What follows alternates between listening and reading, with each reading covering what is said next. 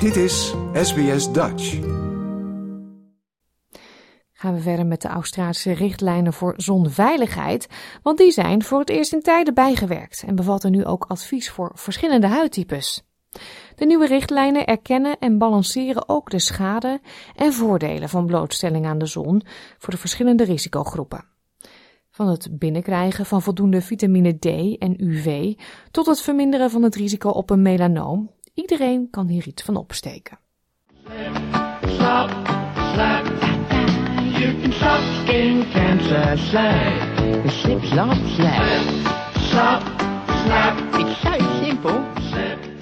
In 1981 werden Australiërs voor het eerst geadviseerd door Sid de zeemeeuw. Hij vertelde om lange mouwen aan te trekken, zonnebrandcrème op te smeren en een hoed op te zetten. In 2007 werden twee aanbevelingen toegevoegd. Zoek de schaduw op en zet een zonnebril op om je ogen te beschermen. En nu zijn de richtlijnen dus voor het eerst bijgewerkt met advies voor verschillende huidtypes. Het nieuwe standpunt werd opgesteld door het medische onderzoeksinstituut QIMR Berghofer in Brisbane en wordt onderschreven door gezondheidsinstanties, waaronder de Cancer Council Australia. Zoals professor Rachel Neal, Principal Research Fellow van het onderzoek, uitlegt, verdeelt het nieuwe advies mensen in drie groepen. People with very deeply pigmented skin um, are at very low risk of getting skin cancer caused by the sun, but are at higher risk of vitamin D deficiency and not getting the other benefits. So, for those people, we advise getting some time outdoors during the day and that routine sun protection is not required.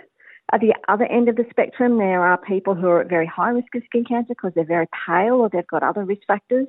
For those people, we recommend keeping fully covered when outdoors.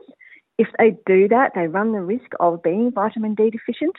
Um, so they will need to discuss their vitamin D requirements with their doctor. De derde groep bestaat uit mensen met een donkerder witte, olijfkleurige of lichtbruine huid met een gemiddeld risico op huidkanker. Voor die groep luidt het advies om routinematig zonnebrandcrème te gebruiken, maar ook om op de meeste dagen van de week wat tijd buitenshuis door te brengen om de vitamine D in het lichaam op peil te houden en te profiteren van andere voordelen die blootstelling aan de zon geeft. Professor Anne Sast is voorzitter van het Nationale Huidkankercomité van de Cancer Council.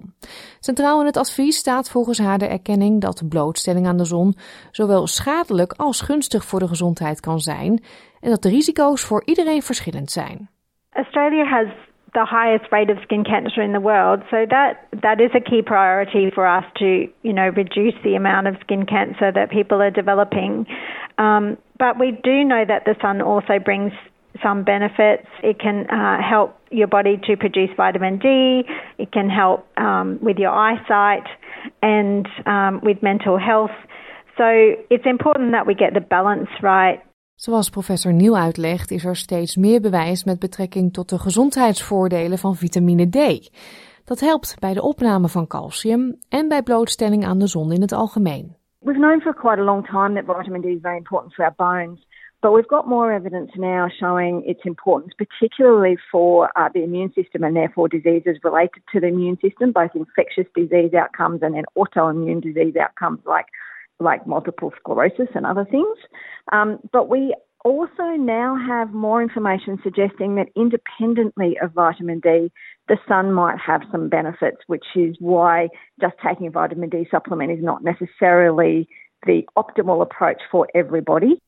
Professor Suss zegt dat het nieuwe advies meer nauwkeurig is over hoeveel tijd je in de zon moet doorbrengen om je vitamine D binnen te krijgen, afhankelijk van locatie, de tijd van het jaar en huidtype. Anecdotally, you know, I often hear people talking about, I'll go outside, get some vitamin D. Uh, but people don't really know, you know, how much time you need to spend out outdoors. And in spring and summer, in most parts of Australia, you only need a few minutes outside to get sufficient levels of vitamin D. Whereas if you live in Tasmania, in, in, in winter, you, you might need a fair bit longer depending on your skin type. Het advies van zowel professor Neil als professor Sust aan de meerderheid van de Australiërs is om zonnebrandcrème aan te brengen wanneer de UV-index, die kan worden gecontroleerd op de SunSmart app van de Cancer Council, boven de 3 komt. En eigenlijk is dat bijna het hele jaar het geval in de meeste delen van Australië. Het 44 pagina tellende advies is op dit moment bedoeld om artsen te helpen bij het adviseren van hun patiënten over een eigen plan van aanpak omtrent zonveiligheid. Maar Cancer Council Australia en de auteurs van de richtlijnen werken ook aan vertalingen voor diegene die het advies in een andere taal nodig heeft. Als u niet zeker weet in welke huidtype u past of hoe u veilig in de zon kunt verblijven, is het advies om voorzichtig te zijn en uw huisarts te raadplegen. Professor Nieuw erkent dat regelmatige blootstelling aan de zon voor sommige groepen geen optie is.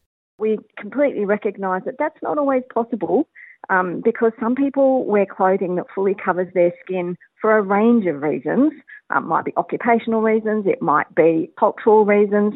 And if that's the case, then people do need to discuss their vitamin D requirements with their doctor because if you have your skin fully covered by clothing, um, you can't make vitamin D. Professor Neil en professor Sust hebben allebei tips voor de risicogroepen. Professor Neil zegt dat ze graag sunsleeves meebrengt, die ze aantrekt als ze naar buiten gaat, zodat ze niet altijd een shirt met lange mouwen hoeft te dragen. En professor Sus heeft een truc om zonnebrandcrème tot een onderdeel van je dagelijkse routine te maken. Put your sunscreen bottle next to your toothbrush, and when you brush your teeth, put you know apply your sunscreen.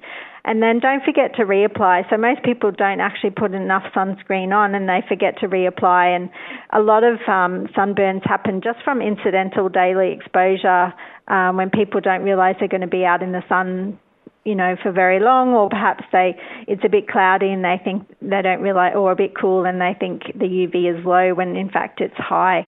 Intussen blijft het advies voor de meerderheid van de Australiërs hetzelfde: slip, slap, slop, seek en slide. Dit was een verhaal van Penry Buckley voor SBS Nieuws, in het Nederlands geproduceerd door SBS Dutch. Wil je nog meer soortgelijke verhalen?